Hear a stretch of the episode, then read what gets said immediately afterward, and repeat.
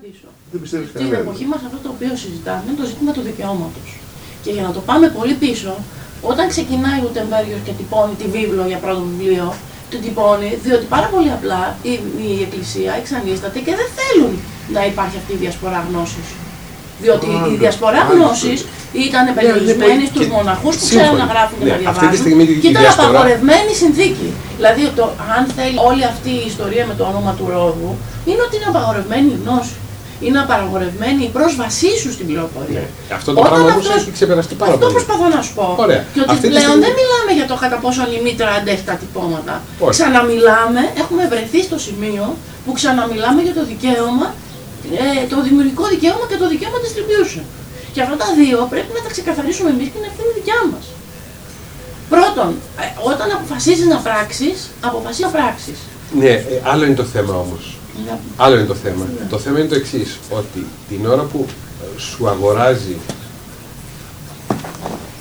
ε, πώς το λένε, παράδειγμα εργασίας, σου αγοράζει η Εθνική Πινακοθήκη για 10 δραχμές ένα έργο. Ναι. Οκ, εσύ έχεις πληρωθεί ως προς αυτό το έργο, έχει λήξει η οικονομική σου σχέση με αυτό το έργο. Ωραία. Βάσει του νόμου όχι. Βάσει του Εννοείται, νόμου όχι. πόσο. Η ουσία είναι όμως ως προς το distribution και ως προς τη διανομή της πληροφορίας. Μοναδικό έργο, έτσι. Μοναδικότατο Ναι. έργο. Το βγάζει μία φύσα, Ναι. η οποία Πρέπει να σου πληρώσει δικαιώματα αυτό. σου πληρώνει ένα μηδαμινό δικαίωμα. Σου εν πάση πληρώνει και ένα περιπτώσει.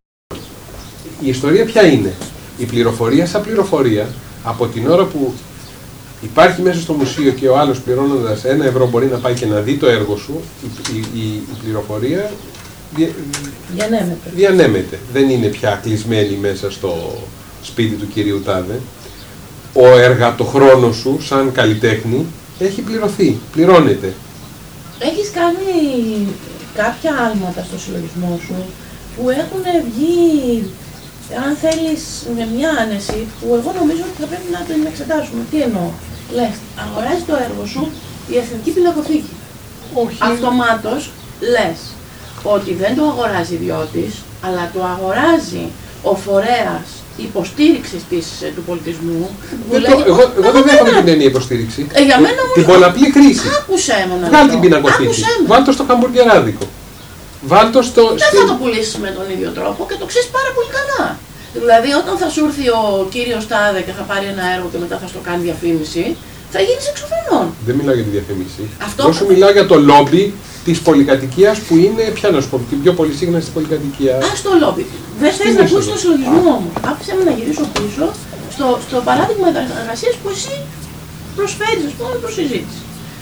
Όταν λες, αγοράζεις το έργο σου η Εθνική Πινακοθήκη και μετά βγάζει πολλαπλά αντίτυπα σε Αφίσας επίπεδο βγάζει. αφίσα, Μμμ. πολλαπλά αντίτυπα. είναι. Μμμ. Δεν έχει σημασία.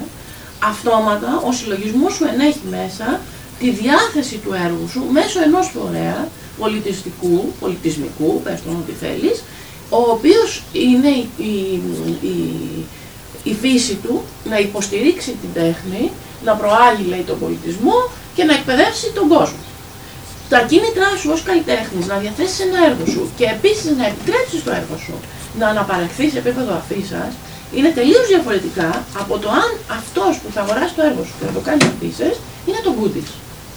Εκεί οφείλεις να ξέρεις εσύ και να πάρεις εσύ την ευθύνη της διάθεσης του έργου σου. Ότι αλλιώς θα το διαθέσεις στην Εθνική Πινακοθήκη και αλλιώς θα το διαθέσεις στον goodies. Μα προποθέτει ένα Όχι, τσάρικι ναι. το οποίο εγώ μένα δεν μου αφορά. Καθόλου ούτε Ε, Δηλαδή τσάρι, πιέστηκα. ούτε τίποτα. Α, Μα δεν με νοιάζει. Καθόλου. Δηλαδή, λες, λες ότι η Εθνική Είμαι- Πινακοθήκη Απλώς δεν υποστηρίζει. δέχομαι την αφέλεια του καλλιτέχνη. Δεν κατάλαβα, δηλαδή νομίζεις ας πούμε ότι ο καλλιτέχνης ο οποίος θα πάρει το έργο του Εθνική Πινακοθήκη δεν θεωρεί ότι το έργο του συλλέγεται από έναν καλύτερο φορέα από το να συλλεχθεί Όχι. από... Και όμως δεν Όχι. είναι έτσι τα πράγματα. Όχι, με συγχωρείς. Ιστορικά Ε, ε, ξέρουμε ότι οι, οι, οι πινακοθήκες και η ιστορία της, του, της τέχνης έχει διαμορφωθεί από τις συλλογές.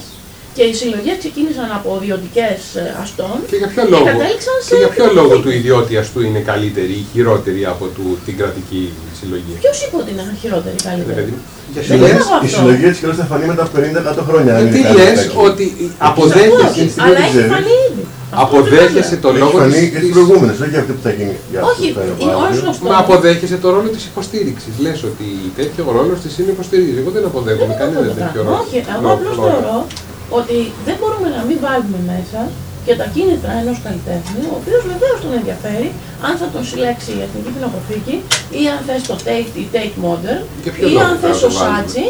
Διότι πάρα πολύ απλά έτσι, έχουν- έτσι, Ρε παιδάκι έτσι μου, το έργο σου, διαμορφώνονται το τα έργο σου, πράγματα. εσύ θα το πουλήσεις 5 δραχμές στο Σάτσι και 10 δραχμές στην Εθνική Μηνακοθήκη και 15 στο Ζαχαριουδάκι. Δεν το ξέρεις ότι αυτό το πράγμα είναι συνήθες φαινόμενο. Οι Είναι κομματογράφτες. σύνδεση- είναι σύνδεση φαινόμενο. Εγώ Βεβαίως, δεν το- Εγώ παιδιά. δεν πέντε, θα το πέντε κάνω. το πουλάω εδώ, Ούτε πέντε εγώ, εκεί, γιατί πέντε εντάξει, εκεί. ούτως ή Τότε- άλλως- τότε λοιπόν και το Ούτως συζητάμε. ή άλλως, διότι έτσι ισχύει. Όχι, Και να δεν- σας φέρω ένα παράδειγμα το οποίο ξεπερνάει τι δικέ μας περιορισμένε συνθήκες της Ελλάδας. Όταν ο Σάτσι αγοράζει όλη την παραγωγή και κάνει τη συλλογή Σάτσι και επηρεάζει όλη τη βρετανική σκηνή, ακριβώς αυτό το παιχνίδι παίζεται. Της επιρροής που έχει η συλλογή Κοίταξε. στο έργο τέχνης Το να- και το στην να- παραγωγή τέχνης. Και στην Ναι. πολιτική, αν θες και στην πολιτική ταυτότητα ενός ολόκληρου έθνους.